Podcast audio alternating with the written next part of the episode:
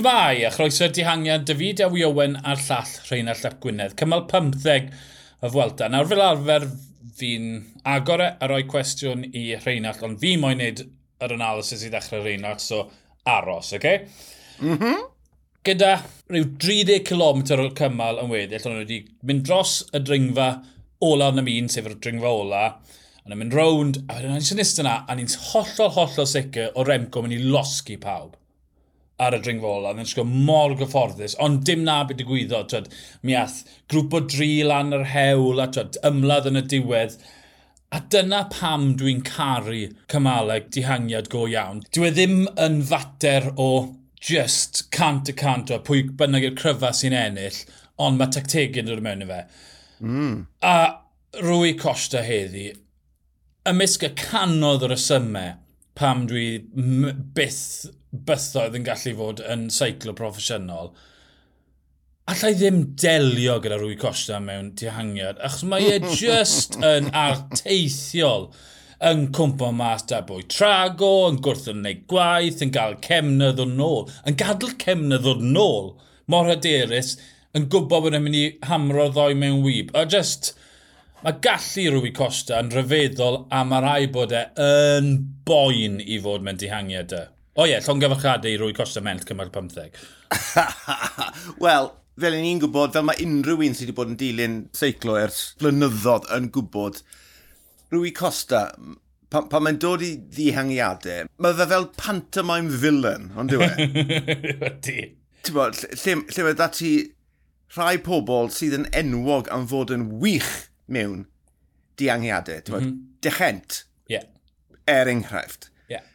Rwy Costa, bod, e, e byth yn cydweithio, mae'n ma, ma, ma neud y gwr... Yn, yn union, mae'n neud popeth ar ran i hunan i wneud yn siŵr bod e'n ennill. Mm -hmm. uh, a mae, yn amlwg, mae fe yn gweithio, nath e ennill heddi, ond ie, yeah, mae ma fe wedi hala fi'n benwan am flynyddodd. Boo! He's behind you! um, yeah. Mae eisiau un o'r mwstasys cwrliog cwrlio. Os, ti'n gywir. Fi di ennill eto. o, oh, ie, yeah, mae'n gret. Tyd, nid dod i'r diweddglo wedi rhoi popeth o ddeddi. Tyd, mae e, yr hen ystrydeb na mae ti dyn egni, pawb arall cyn dyn egni dy hunan. A dde'n gwybod, mm. Tryd, mi welodd e bod Remco mewn trwbl, mi, oedd e'n gwybod bod y fwlch yn andigon, gwybod bod bwy trago methu curo fe mewn gwyb, felly gadau hongia mas y blaen. Twyd. oedd digon o sgilwynt ar y ddringfa na, oedd e ddim yn 8%, oedd e ddim yn 15%, oedd e'n 5%, felly safio e- egni ar y ffordd lan, cadw pethau dan reolaeth ar y ffordd lawr, a hyn o pan oedd cemna i lawr oedd e dal yn chwarae'r gêm. Oedd e dal, nath e ddim cyffroi, oedd e dal, oce, okay, siwt i'r ffordd gorau i ennill, siwt i'r ffordd gorau i ennill, a gadael ei ddod nôl i'r blaen. Oedd just, ie, yeah, mae gallu ei feddwl yn y foment yn angredadwy. Ie, yeah, a mae'n rhan i gofio hefyd, tyfa, ar ôl treulio be, wech neu saith mlynedd gyda UAE, neu, neu lampre o'n nhw dal pam ymunodd e ar, ar, ar tîm, symud draw i Intermarché, cytundeb blwyddyn yn unig oedd e. Mm. So, bo, o ran y tîm, oedd rhaid yn meddwl, o reit, mae ma fe'n gyn pen pencampwr y byd, mae'r profiad da fe, allan ni ddefnyddio fe bo, i, i helpu'r beicwyr mwy ieianc yn y, yn y tîm a gawn ni weld beth allai ei wneud. Wel, mm -hmm. allan nhw ddim wedi dychmygu yr hyn geithon nhw mas o rwy dwi'n 36 mlynedd oed Costa, uh, Eleni. Mae wedi bod yn ffantastig. Ydy. Nillodd e mas yn, lle e, yn Sbaen, y Mallorca, Valenciana ar dechrau tymor. Yeah, yeah. Ond ie, yeah, Welta, cymal o Welta yn y boced. Mm. Wow, dros bosib. Tafna, unrhyw tîm bach, ti'n rhoi cytundeb i fach, mae fe yn gyfrwys. Mae ma yna ben, ma na, ben na, mae'r coesau dal na i fyw gyda rhai ifancach, felly pam lai rhoi cytundeb i fe?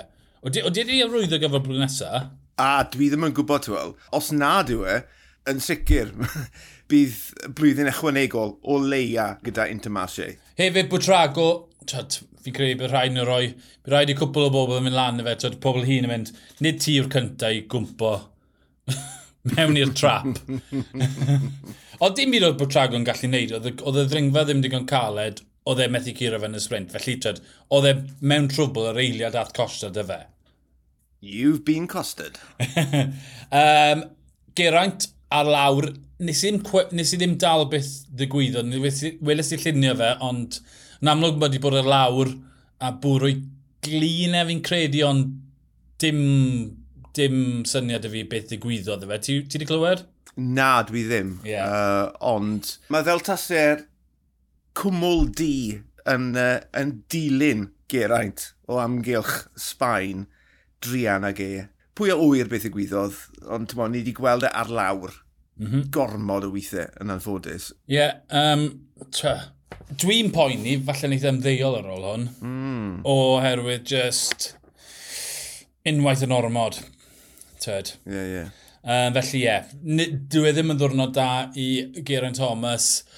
To, gobeithio gweld yn adfer erbyn y drydydd wythnos, ond mae e yn gwybod sut i gadw egni, ond wedi cwmpo teir gwaith, mae'r tank yn wag, dwi'n am e. Deg eich pa wall yn cyfforddus? Ie, yeah, bendant. A nawr mae ma, diwrnod gorffwys fori a fel i ni wedi trafod, mae cwpl o gymalau arteithiol ar y gorwel anglirw. Yeah. Anglirw. Hwna yw'r un sy'n mynd i roi cyfle i rai a sy'n mynd i fod yn amen ar eraill. Ie, yeah, tridiau go iawn o'r Vuelta sy'n weddill. Cymaint y chwech mae dringfa 5 km bron o fod 900 o raddiau. Felly, twa, mae hwnna'n mynd i roi cic falle eiliadau. Wedyn mae'r ynglirw'n dod a mae'r 6 km ola yn be, 13-14 cant. Just, twa, time, ras yn ebyn y cloc i'r top yw hwnna, y dringol gorau sy'n enll. A wedyn mae cymal 18 yn disgwyl yn herio. Mae yna ddringfeidd serth ac hir trwy gydol y ras. A maen nhw'n bennu dy par o esgyniadau fyny Puerto de la Cruz, de la Linares, 8.3 km, 8.5 y cant. Twyd, tri cymal gwahanol, tri cymal, wel, y blawn cymal yn y chwech, ond cymal 17 a cymal 18, dyna lle mae'r Volta mynd i gael ei ennill. Iwmbo sy'n mynd i ennill, dwi yn credu bod Cws yn mynd i ennill. Mae'r sefyllfa perffaith i fyngygo i Cws ennill y Volta, bydd yn prynu fforddondeb am degawd. Mae fe hefyd, os orffennydd fe fel hyn, bydd e bydde fe'n stori yeah. mor, mor hyfryd, mae feel good factor, yeah. trwy'r to. Uh, ti ffili prynu rhywbeth fel la. A, a bydd y tîm yn hapus, bydd Roglic, Jonas yn hapus, bydd fan seiclo yn hapus fyd. A mae hwn jyst yn tanlinellu pwy mor weird mae'r ma, r, fwelta hyn wedi bod. Mae Sepcws yn ei drydydd Grand Tour o'r flwyddyn yn y coch a dyw e ddim wedi gorfod wneud braidd dim byd. Na, Dylan Van Bal o'i antractnic gath y tair mynd yna i fe. Yn union, dwi ddim wedi mynd mewn i'r coch. Gafr mynydd sy'n llywyrchu pa mae'r uchelfannau yn mynd yn fwy ac yn fwy heriol. Bring it on! Bo, na beth bydd Cws yn gweud, bring it on! Bo. Fi'n credu bod holl byd seiclo tu ôl i Seb Cwsner, ond trydydd wythnos yn ei pethau, pethau od A nid trydydd wythnos yw e i Sepkos o nawfed wythnos. Mhm. Mae hwnna'n sefyllfa gwannol. Yeah. Nid dim ond yn y fwelt yma rasio wedi bod, ond mas yn yr iseldirodd. Lot o Cpecin gynta, Lorena Fibus yn ail, Anna Henderson yn drydydd, Pfeiffer George yn bedwerydd, a Zoe Bexted yn bimed. Ras mowr cynta i Canion Shram wedi symud o EF. Gan Ciro Casio Nifid, Doma a nifer eraill oedd yn uchel iawn yn y Tôr y Ffrans. Dyna beth o'n i'n disgwyl o Zoe Bexted, a dyma'r perfformiad wedi cyrraedd. O, oh, yn sicr. A, twa, mae pawb yn disgwyl hyn ohoni. Mae wedi llywyrchu o'r, or, or dechrau'n deg, ond on, on diwy. Mm -hmm. Felly, twa, mae pawb yn disgwyl i'r trywydd na mynd i fyny, fyny, fyny, fyny, fyny. Diddorol iawn bod hi wedi arwyddo gyda Canyon Stram, wrth gwrs o gofio bod hi thadu mm -hmm. yn brif DS, felly mewn sawl ras, bydd e yn y car, yn ei chlist. Ond i ni yn gwybod bod yna berthynas agos iawn gyda'r teulu, felly allai ddim gweld hwnna fel unrhyw broblem, ti'n mo. Mae jyst yn neis gweld bod hi wedi bwrw'r hewl ar garlam, mm -hmm. bo, ar, ar, ar, y tro cynta, achos mae yna yn amlwg nifer o flynyddoedd llywyrchus o'i blaen. Ie, yeah. um, a'r un stori arall o'r ras na, a ni'n mynd cyfan flyta gyrfa lywyrchus wedi dod i ben? Wel, le, le allai di ddechrau gyda hwnna? Mae yna gymaint o bethau mae wedi cyflawni o fewn y gamp. Ie, yeah, mae yna ma, ma dwll yn mynd i fod fi'n credu, mm -hmm.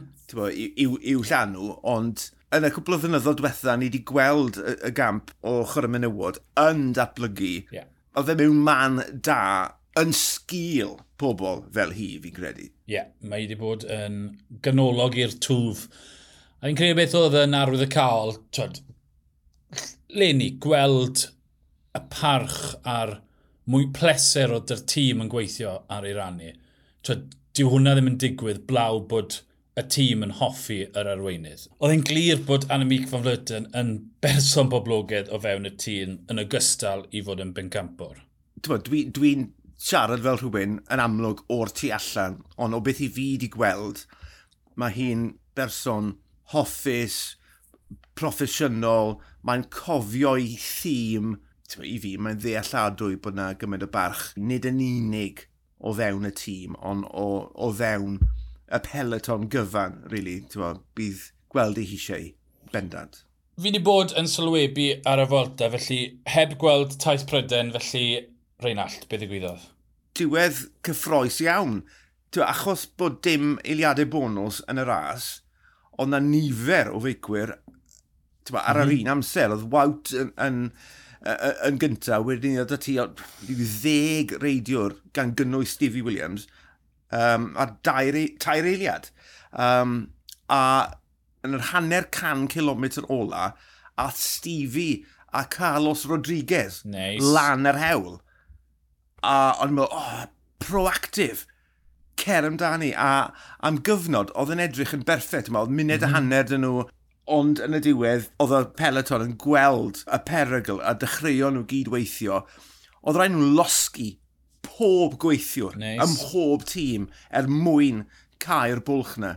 Ac yn anffodus i Stevie, gyda rhyw, beth yw, e, wech neu saith kilometr ar y, y dringfa cyrffili, gath ei i, i dynnu nôl yn y diwedd a Rodriguez ath lan yr hewl. Fe enillodd y cymal a Wout arweiniodd yr ail grŵp mewn i ennill dosbarthu'r cyffredinol.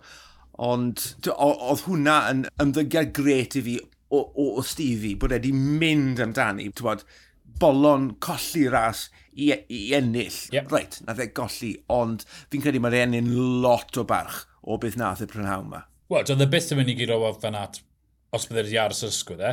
Felly, ie. Yeah. Yn union. War y teg fe. A, twyd, angen dathlu'r trydydd ddo. Tio, mae hwnna yn... O, oh, ie. Yeah. Be sy'n amlwg mae Stevie yn perthyn ar y World Tour. Tio, mae wedi profiau dros dwy flynedd na res i penglin adfer. Reidiwr World Tour yw Stevie Williams. A, a diolch am y goffa fi am ddo. Bo, dihangiad, bo, oedd y diweddglo yn anodd, felly oedd e byth yn mynd i fod yn sprint arferol. Oedd yna ddwy ddringfa cas mm -hmm. yn, y, yn, yn, y ffeinal na. So, bo, oedd e na yn y dihangiad o ddeg a flan yr hewl a, a dod yn drydydd yn y sprint. Oedd e'n meddwl, bod, siwt allai ennill y ras yma. Mm -hmm. So, bod, mynd lan yr hewl dwywaith, ddo a heddi. Right, nath e ddim gweithio mas, ond ti'n lli gweld yr ymenydd tactegol seiclo yna yn gweithio a dwi mor falch achos bod, y problemau gyda Benglin a gallai e hwnna di mynd i'r cyfeiriad arall, ond mae wedi ail-flodeio, ond dwi e. Yeah. Felly, just pob lwc iddo fe bod hwn yn datblygu a datblygu a datblygu, achos mae fe wedi dangos, mae fe mor dylentog, a ti'n gwbl gywir, mae fe yn perthyn yn y World Tour. Ie, a, a, yeah, a disgwyl fe, mae rhinweddau arbenigwr o drihangiad fe. Mm. Twyd, gallu mynd yn y bryniau. Ti'n ti meddwl am, twyd, dechent, cemna. Tio, yeah. Bobl ffordd na. A maen nhw'n methu mwy, maen nhw'n llwyddo, ond mae ma angen mentro. Mae, tio, beth mae'n swnio fel heddi, mae'n fodlo mentro. Felly, tio, mae e'n argoeli'n dda am y pum mlynedd nesaf. Felly, pob lwc i Stevie, A da iawn fe am fethu, fi'n gweud. Cymrodd e 40 km a 5 tîm gwahanol i dynnu fe nôl. Mm -hmm. Mae hwnna'n gweud lot. Ah, mae Carlos Rodriguez yn rhyfeddol, de. O, o, o, di.